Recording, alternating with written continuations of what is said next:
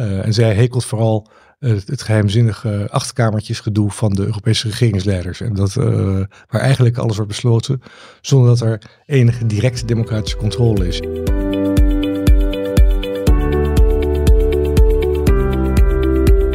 Welkom bij Bruxelles, de podcast van EW over de Europese Unie. Matthijs van Schie en correspondent René van Rijkenvorsel bespreken actualiteit en achtergronden van de EU-politiek in Brussel. René, goed om elkaar weer eh, te spreken. Matthijs, het is te lang geleden, jongen. Absoluut, dat zeggen we eigenlijk elke aflevering tegen Ja, elkaar. dat is wel heel erg, hè? Ja, we moeten er wat meer structuur in gaan brengen. Dat zullen onze luisteraars ook waarderen. Ik zeg wel dat dit al onze 21ste podcast-aflevering Ja. is. Dat is toch wel weer eh, oké. Als je uitgaat van één keer in de maand en ik zit bijna twee jaar in Brussel nu, dan klopt dat wel. Klopt ongeveer inderdaad. Alleen volgens mij waren we de eerste maanden, deden we het vaker dan één keer per maand. Ja. En sindsdien hebben we ook een paar keer Weet je, als eh, seks eigenlijk. In het begin van het huwelijk doe je het vaker en dan wordt het steeds minder, toch? Ja. Dit is een eh, treffende metafoor, eh, René. Laten we het daar verder bij houden, wat dit onderwerp betreft. Ja, ehm, op deze bloedhete dag, eh, 30 graden wordt gepasseerd, treffen wij elkaar in de studio waar het lekker cool is. En nou ja, met het hete, warme weer komt natuurlijk ook de droogte vaak ter sprake. En de Europese Unie heeft allerlei plannen om daar iets aan te gaan doen. Aan de effecten van die droogte en allerlei van dat soort zaken. Dus eh, Nou, nou heb je een bruggetje bedacht, zeg. ja, ja, ja, ik moest er even over nadenken. Dankjewel. Ja, want eh, we gaan het onder meer hebben over de Natuurherstelwet. En dat staat voor jou, als ik eh, mag zeggen, staat het eigenlijk symbool voor de grote broek die Brussel aantrekt. Hè? Ja, een beetje wel. Ja. Er zijn, er, ik ben de afgelopen half jaar heb ik over bijna niks anders geschreven dan over wetgeving in de Europese Unie. Eh, we zijn nu ongeveer een jaar af van de, eh, van de Europese verkiezingen. Dus er moet heel veel doorheen nog gejast worden. eh, voordat het zover is. Want dingen die niet klaar zijn, ja, je weet niet wat een, hoe de volgende Europese Commissie eruit ziet. Ja, Hoe volgend het Europees Parlement eruit ziet, et cetera. Er komt heel veel wetgeving. En al die wetgeving, daar gaan we dadelijk wat langer over hebben. Al die wetgeving samen, samen is te veel. Het is te veel tegelijkertijd en het is gewoon te veel. En het gaat elkaar zelfs gewoon in de weg, in de weg zitten. Maar dat gaan we dadelijk eh, met elkaar over hebben. En de Natuurherstelwet is een soort, dat is de climax van de, van de, eh, van de eh, klimaatambities van Frans Timmermans. Ik begrijp, ik begrijp zijn denken wel. Maar ik denk ook dat deze wet ook net iets te veel is als je ook al Fit for 55 wil. Als je ook al wil dat wij die stikstofdoelen doelen halen, et cetera. Ehm, en dat vindt trouwens het kabinet ook. Maar daar gaan we het dadelijk uitgebreid Ja. over hebben. Want eerst gaan we natuurlijk naar... Bericht uit de stad. ja. René, ehm, meestal gaat deze rubriek over iets eh, alledaags uit de stad, om het zo maar even te zeggen. Het gaat over eh, parkeertarieven, zelfscankassa's, eh vuilnis die niet wordt opgehaald enzovoort. Omdat de rest van de podcast vaak al zo politiek is, dat is Hmm. een beetje het idee. Maar eh, dit keer wilde jij het toch over een politieke kwestie Oh ja. in Brussel hebben. Ja, het is dat je het zegt inderdaad. Vorig jaar hadden we het ook al over wel een heftig onderwerp. Namelijk het snijden van die tire extinguishers. Die, eh, die mensen die eh, de, de autobanden doorsnijden van, eh, van, van grote auto's. Die Ja. ja. veel benzine gebruiken. Maar in Brussel. Maar dit keer, gaat het, dit keer heb ik er, een smet op Brussel heb ik er boven gezet. Eigenlijk als, als kop in mijn, tussen aanhalingstekens. Eh, de Belgische regering, Belgische gewesten. Dat heb ik al vaker verteld hier. Een van de... Vlaanderen is een, ge- is een gewest. eh, de, Brussel is een gewest. Ja. Vlaanderen is een gewest. Wallonië is een gewest. Brussel is een gewest. En dan heb je ook nog het Duitse gewest. Ehm, en daar, eh, dus heeft Brussel ook een eigen regering. En een eigen parlement. En in die regering eh, heeft een staatssecretaris.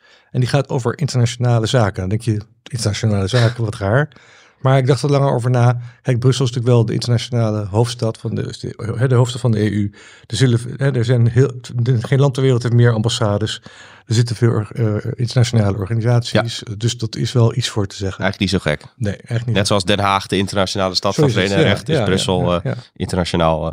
Ja, en dat is Brussel wat, wat heeft heel wat meer ambassades en dergelijke dan, dan Den Haag. Ja. Nou, in ieder geval Pascal Smet, hij was van de, eh, van de, van de Vooruitpartij. Dat is hij volgens mij, ik weet het nooit precies, want die ze veranderen elke keer hun naam daar in België, die partij. maar dit is, volgens, dit is volgens mij een eh, socialistische club.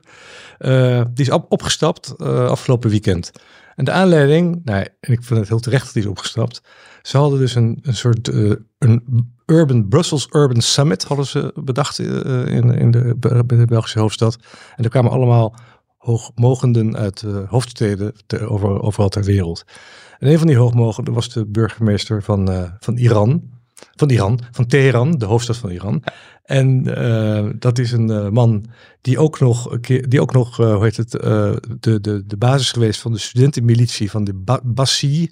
Dat zijn, dat zijn hele vrede orde, ordehandhavers daar in, um, in Iran. Dat was hij eind jaren negentig. En hij is echt zo'n enorme hardliner. Nou ja, we weten wat er in Iran allemaal aan de hand is. Ja, de protesten van ja. de jonge vrouwen vooral. Die, ja. Heeft hij die helpen neerslaan? Ja, ja. ja, in, in zekere zin wel, wel natuurlijk. Want hij is verantwoordelijk voor de orde in zijn stad. Nou, in elk geval, die, die, uh, deze, deze man die was uitgenodigd. En hij bleek ook nog eens een keer op kosten van het Brussels gewest te zijn gegaan. Met zijn delegatie. Kreeg zijn hotel en zijn, en zijn, en zijn vliegreis en alles kreeg hij vergoed. Nou, toen is uh, vooral uh, de uh, NVA-parlementariër Theo Franke, je kent hem wel, die is op, vol op het orgel gegaan. Ja, dat doet hij graag. Ja, dat doet hij heel graag. Maar die had hem ook heel snel weg, moet ik zeggen. Want hij, de burgemeester van Teheran, Zakani, Zakani heet hij, Ali Reza, Ali Reza Zakani, die is een, is een sharia-hardliner en een vrouwenmoordenaar. Hij was jarenlang de eindbaas van de paramilitaire Basij-militie. Nou, en dan, laat, dan, dan liet hij in een hele lange tweet afgelopen weekend liet hij zien dat met een fotootje erbij ook dat er een man, gewoon iemand van die delegatie stond foto's te maken van gevluchte Iraniërs die aan het protesteren waren tegen de komst van deze, van deze burgemeester. Zodat ze even vanuit Teheran met de lange arm nou, konden worden aangepakt. Je hebt het helemaal goed. Nou ja, daar, en dat is natuurlijk echt uh, gewoon echt heel erg. Dus uh, en, en, terecht is dat uh, Theo Franke daar, daar, daar gewoon tegen het keer ging. Nou, die man was ook heel snel weg. hij gooide het op iets anders, dat het namelijk dat het, over die verblijfskosten. En dan had hij zelf had hij dat niet geweten, maar hij was er wel verantwoordelijk voor. Dus daarom. Hij maakte er een soort bonnetjesaffaire van. Precies, precies. Hij maakte het veel kleiner dan het was. En nou, nu is er nog de vraag of wat minister van Buitenlandse Zaken, Hadja Labib, de Belgische minister, ze zit nog niet zo lang. Die vorige die is weggegaan uh, vanwege ziekte van haar man. Um, en Hadji, Hadja Labib is van de MR, dat zijn de, de, de Franstalige liberalen. Uh, en nu heeft Theo Frank geprobeerd haar ook nog weg te krijgen. Uh, dus hij zegt van, ja, zij verschafte de visa, visa, dus zij is verantwoordelijk eigenlijk hiervoor. Maar ja. ik weet niet of dat gaat lukken, denk ik niet. Maar het is wel van, van de gekke natuurlijk dat zo'n club, nou, zeker dat beeld van die kerel die die foto's staat te maken van die van demonstranten. En die smet notabene, die is nog, ook nog hiervoor ook nog iets geweest van, nou, ook nog een functie heeft hij gehad in de opvang van, uh, en toelaten van, uh, van asielzoekers in België. Nou, dan hopen dus, dat zijn oordeel destijds iets scherper is geweest. Ja, nou ja. Ja. maar dat is zeer de vraag als ik, als ik jou zo hoor. Ja. Dus uh, nee, dat was, ik vind het wel een aardig, aardige kwestie die ook in Nederland het nieuws niet heeft gehaald. En, uh, maar, maar wel in België de, de, de, de, ja, iedereen wel heeft behoord. Ja, ja wie, uh, wie in Nederland wel het nieuws heeft gehaald, ja, we gaan het makkelijkste bruggetje, ja. is de hoofdpersoon van onze volgende rubriek. De Europeaan om in de gaten te houden. Ja, misschien wel, de, misschien wel volgens mij de langstzittende Nederlandse Europarlementariër die er is. Ja, zeker. Ja, uh, die heeft 20, een uh, nogal... Jaar, 20 jaar in één stuk bijna. Ja, die heeft nogal gevoelige overstap gemaakt, hè? Ja, het gaat over Sophie in het veld. Uh, ze is 59 jaar oud. Ze zit al 20 jaar, sorry, 19 jaar in het Europees Parlement voor D66. Is echt het Brusselse, het Europese gezicht van D66 ook. En um, die uh, zou waarschijnlijk niet meer op een verkiesbare plaats komen. Althans, er wees er veel op dat, er, dat, dat, dat de D66 in Den Haag haar niet meer wilde. Uh, dat heeft ook wel redenen die begrijpelijk zijn. Ze, heeft, uh, ze kan niet door één deur met haar, met haar collega parlementariër in, nu in, in Brussel. Ze, Samira Rafaela. Rafaela. Ja. Um, en ze kan, heeft ook vorig, in de vorige ambtsperiode heeft ze ruzie gekregen met Marietje Schaken. Dus Sophie is nogal eigen gereid. En ja, ik heb haar toevallig geïnterviewd drie maanden geleden. ik vind haar namelijk, ik bedoel, ik ben het politiek niet zo met, met, haar eens, met haar meningen eens. Maar ik vind dat ze wel een goede kijk heeft op de institutionele gang van zaken in Brussel. En zij hekelt vooral het, het geheimzinnige achterkamertjesgedoe van de Europese regeringsleiders. En dat, uh, waar eigenlijk alles wordt besloten zonder dat er enige directe democratische controle is. Ja, de parlementen in de lidstaten die moeten er wel hun zegen aan geven. Maar zoals Sophie dan zegt, ja, dan zeggen die premiers of, die, of, of andere regeringsleiders zeggen tegen hun parlement, ja, het is een beetje moeilijk om uit te leggen, geloof me nou maar. En dan, ja, ja, die, dat kennen we. Die parlementariërs gaan er wel mee akkoord dan. Zij zegt, te veel belangrijke beslissingen worden gewoon uh, niet, uh, die worden niet democratisch geaccordeerd. En zij wil uiteraard dan veel meer macht voor het Europees Parlement. Ik weet niet of het daarmee eens is. We maken van haar analyse. Nou, het was een aardig stuk van ja, een aardig interview. En maar ik, toen, jij, uh, toen jij haar sprak, wekte ze toen al op jou de indruk dat ze misschien wel weg zou gaan?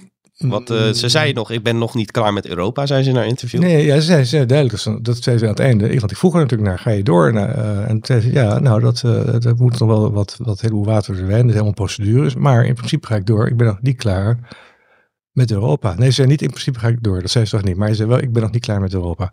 Dus ze zijn nog niet van me af hier, zei ze ook. Ja. En um, nou ja, dat, dat zou nu reden kunnen zijn geweest voor haar overstap naar Volt. Volt heeft maar één, nog maar één, uh, één uh, Europarlementariër, een Duitser. En er gaan er natuurlijk de komende verkiezingen gaan er meer komen. Zeker in Nederland. In Nederland zal Volt best, uh, best wel een paar parlementariërs kunnen gaan scoren. Ja, dus Volt is een pan-Europese partij. Ze zijn pan-Europees. Ja. Betekent dat dus ook dat op die lijst mensen uit alle landen van de EU komen? Nou, dat willen ze wel. Dat er ook nog een soort lijst komt. Een pan, pan, een, in de pan-nationale lijst, geloof ik. Hm. Maar dat gaat er denk ik nu nog niet van komen. Dus nee. ik denk dat wij gewoon keurig wat Volt uh, de types op de Nederlandse Volt types op de Nederlandse Volt-lijst krijgen. Ja. Nou, Sophie had daar denk ik wel één van willen zijn. Maar het is maar de vraag of ze het ook kan zijn. Ja. Want er is een, een, regel, een interne regel bij Volt dat je drie maanden, minimaal drie lid, maanden lid moet zijn van de partij om op die lijst te, te kunnen komen. Maar ja, ik denk, ik denk nu, ze is nu overgestapt. Uh, tegen de tijd dat, dat verkiezingen zijn, uh, staat ze, ze is er al drie maanden. Ja. Dus ik begrijp, weet niet helemaal, ik snap niet helemaal. Maar moeten niet de, de lijsten dan eerder worden ingediend nee, of zo? Nee, nee, nee de, lijsten, de lijsten worden pas eind van het jaar gaan de, gaan de meeste partijen hun kandidaten beke, bekendstellen. Alleen maar uh, Bert-Jan Ruijsen van de SGP is bekend tot nu toe. Er is geen enkele Ja. uh, eurokandidaat bekend.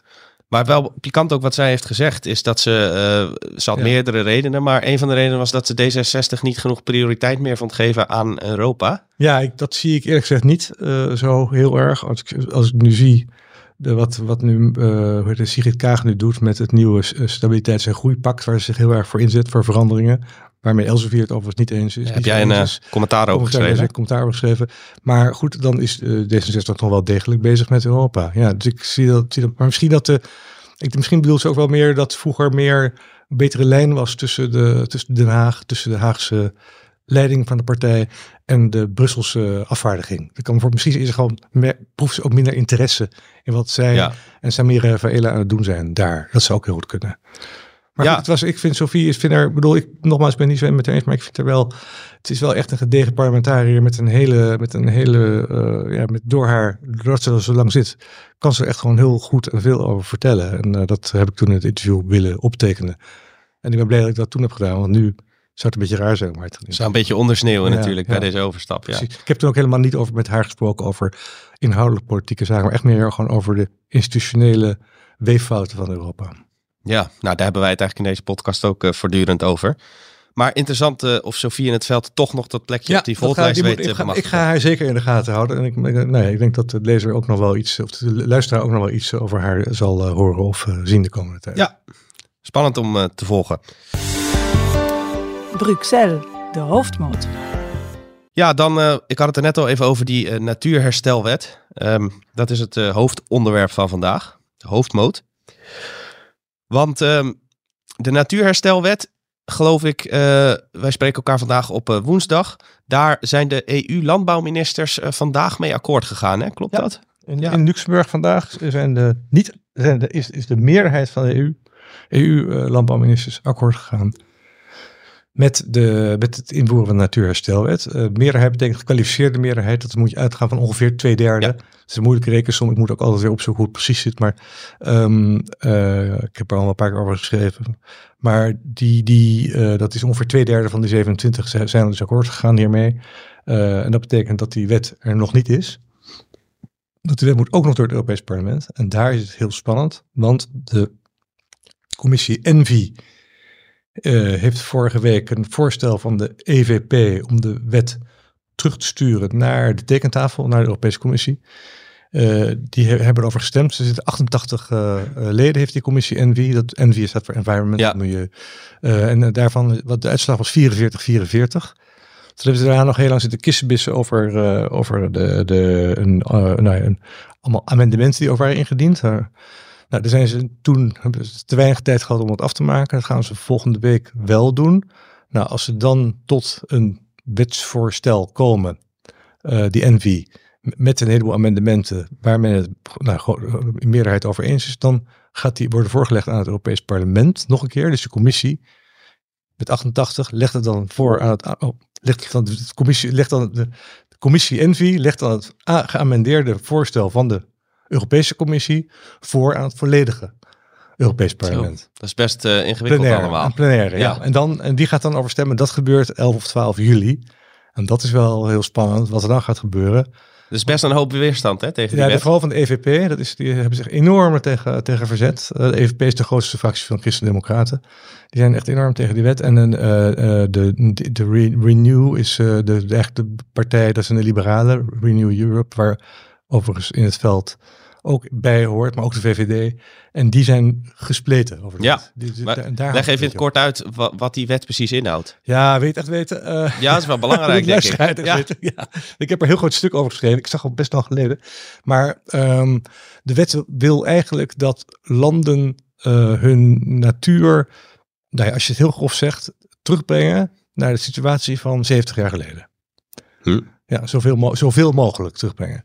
Eh, ze willen dat eh, de, ook buiten de, de aangewezen Natura 2000 eh, gebieden, die mogen ook niet verslechteren, bijvoorbeeld. Dus ze willen allemaal dingen. Dus ze willen bijvoorbeeld dat bepaalde, bepaalde rivieren die zijn, dood, door, zijn doorgestoken, dat daar de oorspronkelijke meander weer wordt, Hm. wordt, wordt terug wordt hersteld.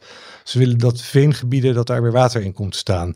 Ze willen allemaal beestjes, eh, die, er zijn enorme lijsten met beestjes zijn er, die, en bloemetjes en dingetjes, die beschermd eh, moeten Ja, worden. ik hoor jou zeggen Ze gaan- 70 jaar geleden. Ze gaan, boom, ze gaan bomtoppen in steden gaan ze tellen. Boomkroontelling. Ja, je gelooft het echt niet. Eh, ik bedoel, ik ben op zich ben ik voor meer natuur. Ik vind het allemaal prima.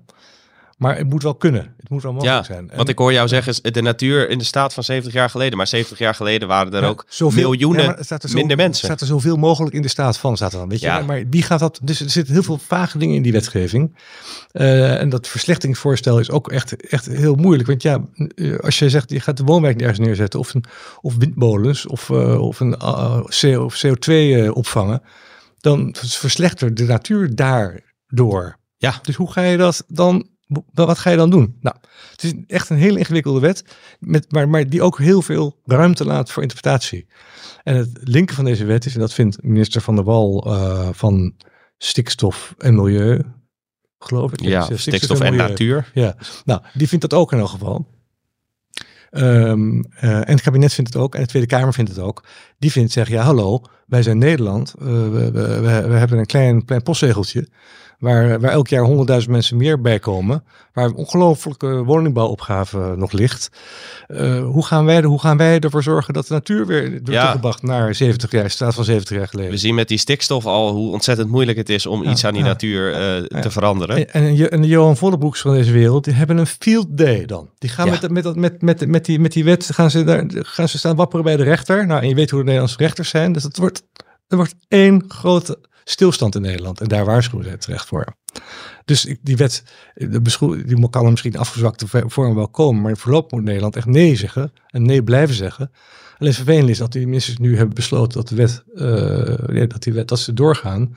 Nu volgen er dan mocht die plenaire vergadering van het Europees Parlement akkoord gaan met een geamendeerde wet. Dus de, grappig genoeg zijn dus de ministers nu voor akkoord gegaan met een voorstel dat er nog anders uit kan komen te zien door het Europees Parlement. Dus daarna gaan ze nog onderhandelen, Europees Parlement en de lidstaten, over, eh, over het uiteindelijke resultaat. Dan zal het nog wel een, heel wat jaren duren voordat die wet, Denk als het die er al zou Denk komen. Nee? Die komt er echt wel, eh, als hij komt, komt hij echt nog dit voor, voor ja, binnen nu in een jaar. voor de verkiezingen denk Binnen nu in je. een jaar. En, en, die, en die, die doelstellingen die de wet eh, beoogt, die zijn voor over, voor, zijn voor over 17 jaar, voor 2040.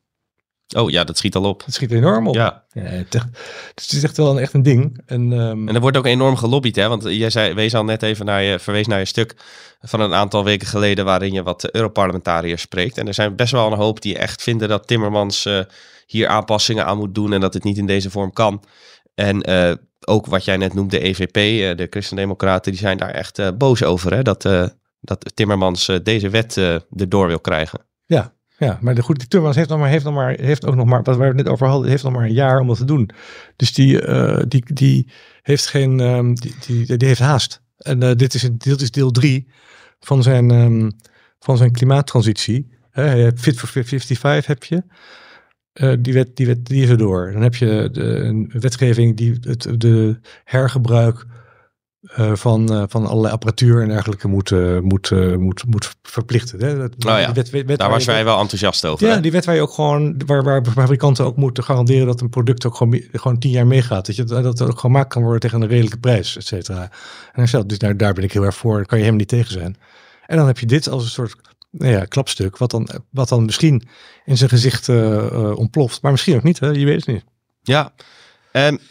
Ja, we hebben het nu over de na- natuurherstelwet gehad, Ja. maar dat staat eigenlijk symbool voor een veel groter probleem Nou ja. in Brussel, hè, wat jou betreft. Ik zei al in het begin dat we gewoon de afgelopen, afgelopen half jaar over niks anders dan die wetgeving heb, eh, geschreven. En je hebt bijvoorbeeld, eh, kijk, we hebben die hele klimaattransitie. En die hangt, eh, hangt toch echt eh, af van, eh, daarvoor zijn we voor een groot deel afhankelijk van, ik heb, daar hebben we het eerder over gehad, van eh, landen als, eh, land als China bijvoorbeeld, die ons allemaal grondstof moet leveren voor, die, voor, die, eh, voor, de, voor de zonnepanelen. Die moet, en, ook voor, en die ook voor ons voor 97% de lithium, het lithium voorraad, of hoe heet het, de behoefte voorzien van Europa.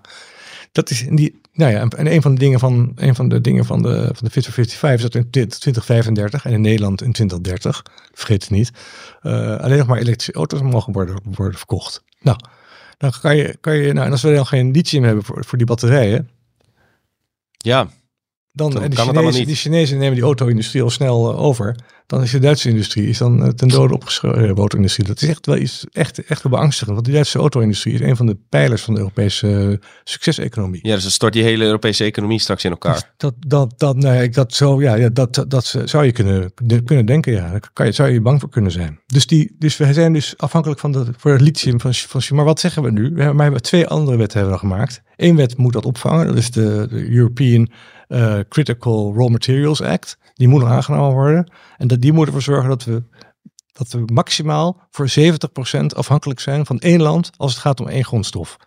Dat is alsnog vrij veel, Dat is nog 70%. vrij veel, maar, nog, maar, maar niet meer dan 70% uit China staat dan eigenlijk. We moeten 30% zelf Ja. regelen. Maar waar moet die vandaan komen? Hebben wij wel eh, lithium Nou, in Europa? ik ben toevallig voor het zomer nog net in Servië geweest. Daar hebben ze lithium. Ja. Maar de mensen daar die willen helemaal geen, eh, geen, eh, geen, eh, geen lithiummijn hebben. Want die hebben weer slechte ervaringen met, met Chinezen die andere mining operaties hebben gedaan. Met goud daar namelijk. Ze willen niet meer geen, geen, geen mining meer daar. Dus, er, dus dat is een probleem. En dan heb je ook nog eens een keer de, de, de, een andere act die ook nog, nog niet er helemaal doorheen is, maar wel al op weg. En dat is, die, dat is de zogenaamde due diligence. Daar hebben we het ook misschien wel eerder over gehad. Dat is eigenlijk de wetgeving die gaat over duurzaam en verantwoord ondernemen. Eh, dat, ja. je als, dat je als eh, bedrijf, eh, als jij eh, maakt, eh, nou, ik zie hier wel een koptelefoon liggen.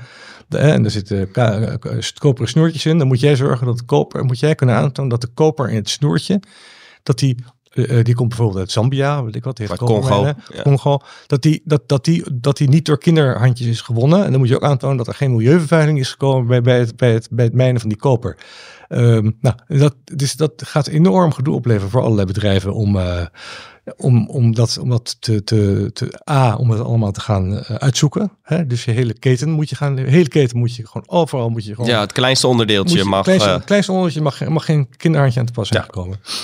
En ehm, op zich nobel natuurlijk, dat je Prima. geen kinderarbeid aan je... prima, maar we, maar we importeren wil. wel heel veel van, die, van, dit, van dit soort dingen uit landen waar ze het niet zo nauw nemen dat, met dit soort regels. Dus eh, hoe, straks, straks kan het ook wel zo zijn dat, eh, dat, die, die bedrijven in, eh, in, in, in, we hebben het over Zambia en Congo, nou laten we daarbij blijven, dat die bedrijven in Zambia en Congo zeggen van ja, het koper kunnen we ook prima kwijt aan India en Ja. China, want daar is ook de behoefte groot. Die zijn niet zo nauw Ga op de rechten van Ga de je- ga je kinderen. lekker buiten spelen in Europa. Nou, daar heb ik ook nog een stuk over geschreven afgelopen week. Dat eigenlijk een beetje het motto Brussel wil te veel en te veel tegelijk. En Brussel denkt te veel dat als wij maar iets beslissen, als wij maar iets gaan doen, eh, dat anderen dat dan zullen navolgen. Dat andere, andere eh, grote delen van hè, de weer andere belangrijke economische werelddelen, dat die dat gaan navolgen. Dus we zijn nog heel erg dat gids, gidslandgevoel. En zij zeggen ja, we zijn zo'n belangrijke economie. Eh, dus ze gaan het vanzelf ook wel doen, want ze hebben ons nodig als afzetmarkt. Maar Europa, de Europese Unie heeft maar 440 miljoen inwoners. Eh, Ja, dat is 6 dat, dat, dat, eh, wordt- dat is 6 van de van de, wereld. hele wereld. En, en economisch worden we ook steeds minder belangrijk. En zeker als die auto-industrie dus weer, wat ik net zei, een klap gaat krijgen, dan worden we economisch nog minder belangrijk. Dus ik denk dat er gewoon te veel, er worden gewoon te veel dingen, hoe kun je het vergelijken? Ze zitten onder tafel, wordt er geschoven met allerlei eh, bladen of, of, of dingen waardoor die tafel langzaam eh, ja, kan gaan instorten als je niet uitkijkt. Dat is echt een beetje Ja. het, het idee. Wat, wat, ik, wat ik vaak krijg als ik eh, daar nou, toch zie en hoor en, en bestudeer wat ze allemaal aan het doen zijn. Maar er zijn ook wel wat stemmen binnen die Europese regeringsleiders die wel op de rem proberen te trappen. Het is Ja, toch niet dat iedereen hier massaal achteraan loopt? Nee, dus eh, Macron, die heeft, de, pre- de president Macron van Frankrijk heeft al, eh, heeft al gezegd, op, ge- ge- ge- gewaarschuwd dat het, het grote opeenstapeling is. En eh, eh, Alexander de Croo, de premier van België, idem. Eh, die zegt, die, hè, die willen pauze. Ze willen pauze hebben in de stapeling van klimaat- en milieuwetgeving. Ehm, en eh, ja, maar, maar, maar aan de andere kant, de, de, grappig genoeg, de leider van Renew eh, is een daar zit de partij van Macron zit er ook bij, hè? Dat eh La, eh, La France en uh, La République en Marche. Heel goed, Ja. dankjewel Matthijs. La République en. Eh, die, die leider, die, die is heel enthousiast over natuurherstelwet. En dat is wel weer een, Een partijgenoot een van Macron. partijgenoot van Macron. Dacht ik, hoe kan dat nou? Ja. Maar ja, maar in elk geval, die, die, er is dus wel wat verzet. in, in, maar, maar dat gaat dan tegen, tegen de opeenstapeling van wetten. En de Belgen zijn trouwens, in- vooral in Vlaanderen, zijn ze ook heel erg bang voor die Ja. natuurherstelwet. Vlaanderen heeft een beetje hetzelfde probleem als Nederland. Ja. Klein land, ja. Maar je zou zeggen, als Macron het, eh, er n- niet eh, blij mee is, dat is zo'n beetje de machtigste politicus Ja, maar in ik weet niet Europa. wat hij weer vindt van, van of hij ook die natuurherstelwet zo belangrijk. Dat blijkt dan weer uit het stemgedrag van die, eh, van Renewman. Dat, ik- dat ik dacht, van, nou, misschien vindt hij dat weer, is dat voor hem weer minder belangrijk en heeft hij het weer meer over andere wetten, die, eh, zoals die due diligence bijvoorbeeld. Ja, Ja. Nou ja, dat is allemaal, wat, dat is allemaal wat nu in Brussel eigenlijk eh, heel erg speelt de laatste tijd, eh, Matthijs. Gewoon die enorme opeenstapeling van wetgeving. En waarvan ik dus zeg dat, ze, dat het gewoon elkaar gaat tegenwerken. Eh, dat het elkaar in de weg zit. En dat het ja, ook, ook kan leiden tot grote economische problemen in, in Europa. En dat, ja, ik wil graag optimistisch zijn, maar ik denk wel van nou, is het wel zo slim om het allemaal tegelijkertijd te doen? Ja wat, wat jij zegt, je, door overal in voorop te willen lopen en allemaal zo snel mogelijk, eh, word je economisch eh, links en rechts ingehaald. Ja, Nee, dat- nee, je, ziet het, je ziet het nu met de auto-industrie, dat toch die, als je gewoon die berichten ook van die Duitsers ziet, ja, die zitten enorm te knijpen voor de Chinezen. Want daar, daar zeggen, worden nu ook weer plannen gesmeed in Duitsland om toch die auto-industrie veel meer te gaan eh, subsidiëren. Ja, Gewoon, eh, gewoon miljarden tegenaan te gooien. Om die race met, die, eh, met, met de Chinezen te kunnen, eh, te kunnen volhouden. Want de Chinezen, die, ja, zit ontzettend veel staatsgeld in die, in die auto. In die, nieuw, al die elektrische auto eh, eh, companies daar. Die tegen relatief veel goedkopere prijzen dan de Europeanen hier hun auto's kunnen, kunnen, kunnen slijten. Dus er is wel hele grote angst voor die auto-industrie. Zeker in Duitsland. ja, dat lijkt me een eh, gegronde angst. Dus Ja. eh, laten wij eh, de Europese leiders veel wijsheid toewensen in Ja, dit gebied. Ja, ik spreek volgende week met, doe ik interview met Frans Timmermans. Zo. Voor het zomernummer. Dan zal ik hem ook wel, dat ga ik over geopolitiek vooral doen. Dus niet over wisselwasjes, maar echt, maar dan ga ik wel ook over dit, dit wel als een van de vragen ga ik wel opwerpen. Van, nou ja, of dit niet een geopolitieke vergissing kan zijn bijna. soms. Ja. Nou, dan eh, heeft u eh, als luisteraar en hopelijk ook trouw lezer van EW weer wat om naar uit te kijken. Een groot interview met Frans Timmermans. Toch een van de figuren die hier eh, de lakens uitdeelt in Brussel. En dat vooral ook graag heel, heel graag wil. Dus eh, hou in de gaten wanneer dat stuk online verschijnt. En dan zullen we daar in de volgende podcast natuurlijk ook weer over hebben, over dat interview. Ik eh, denk dat wij eh, alle grote plannen van Brussel en wetten die worden aangenomen wel zo'n beetje hebben Ja, we moeten besproken. niet te veel in detail, er zijn er veel Nee. meer, maar we moeten niet allemaal in de veel, te veel in detail gaan. Nee, anders haakt de luisteraar ook af. Dus In de show notes staan, heb ik al een heleboel artikelen gezet, dus dan kan de lezer ook nog zijn, ja, zijn of haar hart eh, aan ophalen. Ja, en dan is er natuurlijk sowieso nog een reden om nog even te blijven luisteren. Want eh, we gaan nu de prijzen uitdelen, of een prijs. Dat doen wij in de quizvraag. De quizvraag. Ja, ehm, voordat we de nieuwe quizvraag eh, gaan eh, aankondigen, moeten we natuurlijk even terugkomen op die van de vorige aflevering. Zoals we in het begin zeiden, dat is eigenlijk alweer veel te lang geleden, die vorige aflevering. Maar hij ging over migratie. En dan specifiek eh, ging deze vraag over de Turkije-deal. Omdat dat eh, eentje is, een afspraak is geweest waar Nederland nauw bij betrokken was. Ja, de vraag was, ehm, of het was eigenlijk een opdracht. Noem twee of drie, het liefst drie Nederlandse politici die actief betrokken waren bij de Turkije-deal begin 2016. Nou René, ehm, noem er eens eh, drie. Ja, ehm, het is er ooit begonnen dat, dat eh, die Turkije deal was plan Asmani, dus Malik Asmani, dat is de huidige VVD-aanvoerder in, de, de, in het Europees Parlement. Ehm, hij was toen, denk ik, nog gewoon Kamerlid hier gewoon voor de VVD. Ja. Ja. Uh, en uh, het is door Diederik Samson um, en Mark Rutte. Diederik Samson was toen de, de PvdA-fractievoorzitter in de Tweede Kamer. En Mark Rutte was toen premier. Ze vormden samen kabinetten, Samson en Rutte. Het lijkt al lang geleden, VVD en PvdA. Ja, ja nu is uh, Samson de rechterhand van Timmermans. Ja, Zo is de cirkel weer rond. Ja. En dus Osmani, Samson en Rutte, dat is het goede antwoord. Ja, nou, we hadden één inzender die dat alle drie uh, wist. Goed zo. Dat is Arthur Kemps uit Soest. Gefeliciteerd Arthur. Ja, gefeliciteerd. Er komt een speciale editie Europese Unie uw kant op. met ontzettend veel onmisbare achtergrondverhalen en interviews en uiteenzettingen om de Europese Unie echt te begrijpen. Die uh, valt overigens ook, uh, als u niet in de prijzen bent gevallen, uh, te bestellen via de link in de beschrijving van deze podcast, in de show notes dus. En nou, voor een nieuwe ronde, nieuwe kansen gaan we de nieuwe quizvraag nu ook aankondigen. René, aan jou de eer. Ja, want ik had het eerder over Sofie in het veld en die is al 19 jaar Europarlementariër, maar zit al bijna 30 jaar is ze in Brussel. en ze is daar ooit begonnen als, als medewerker van een D66 Europees parlementariër. En dat was dus, ik denk 29 jaar geleden, uh, doe het even uit het hoofd, dat is 94. Um, hou me niet helemaal, hou me te goede, misschien was het 93. Maar in elk geval is daar, zo met, bij welke, bij welke Europees parlementariër voor D66 is Sofie in het veld haar carrière in Brussel begonnen? Ja, nou dat... Uh... Ja, duidelijk. Assistent, hè? heb ik het wel duidelijk Ja, ja, ja. Okay. Ze is begonnen als ja. medewerker of ja. assistent ja, van een Europarlementariër. Nou, dat moet te doen dat? zijn, zou ik zeggen. Ja. ja. Um, Oké, okay, uh, inzendingen kunnen naar het uh, e-mailadres bruxel.ewmagazine.nl. Je kunt natuurlijk ook via social media uh, reageren op deze quizvraag. En als u het dan goed heeft en u bent er snel bij, dan kunt u ook een speciale editie EU winnen. Nou, daarmee zijn we aan het einde gekomen van deze aflevering, René. Yes. Je vertelde net al even wat je zo al gaat doen. Je gaat Frans Timmermans interviewen. Ja, en ik heb dus ben in Servië geweest. Uh, had ik dat verteld? Ja. Ik zei ik net over lithium. Ja. ja. Dat is Servië geweest. Dat is een interessant, heel erg interessant land, omdat het heel Russofiel is en aan de andere kant graag bij de EU wil. Waar staat dat land voor? Wat willen ze?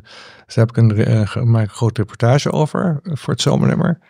Uh, ik doe inderdaad Timmermans en ik heb aanstaande uh, maandag ook nog een interview met, het gaat pas een beetje, dat meer, pas meer bij de, nee, pas ook niet bij de eerste, bij het eerste onderwerp, maar met de burgemeester van Antwerpen, Bart de Wever. Ah, winnaar van de Pim Fortuynprijs ja, recent. Ja, ja, en dat is er heel erg op. Ja, ja, ja, volgens mij een hele interessante en uh, vriendelijke man. Dus dat zal vast een mooi interview opleveren. Met. Die neemt geen blad voor Frans de mond. Timmermans trouwens ook uh, interessant ja. en, en, vriendelijk. Hè? Dus laten we daar... Laten nee, we absoluut. Niks te nadelen van Frans Timmermans. we zouden niet durven. Oké okay, René, ik uh, wil jou weer hartelijk bedanken voor deze podcast. Mijn plezier. En de luisteraar natuurlijk ook. En uh, tot de volgende keer. En dat zal dan sneller zijn dan, dan nu. Dat zeggen we elke keer. Nu gaan we ons er echt aan houden. Oké. Okay. Okay. Doei. Hartelijk dank voor het luisteren naar Bruxelles. De podcast van EW over de Europese Unie. Wilt u de artikelen lezen die Matthijs en René zojuist hebben besproken? De links zijn te vinden in de beschrijving. Meer podcasts van EW luisteren? Ga dan naar ewmagazine.nl/slash podcast. Vergeet ons ook niet te volgen op Facebook, Twitter en Instagram via ewmagazine.nl. Heeft u interesse in een abonnement op EW, digitaal of ook op papier? Kijk dan op ewmagazine.nl/slash abonneer. Graag tot de volgende keer.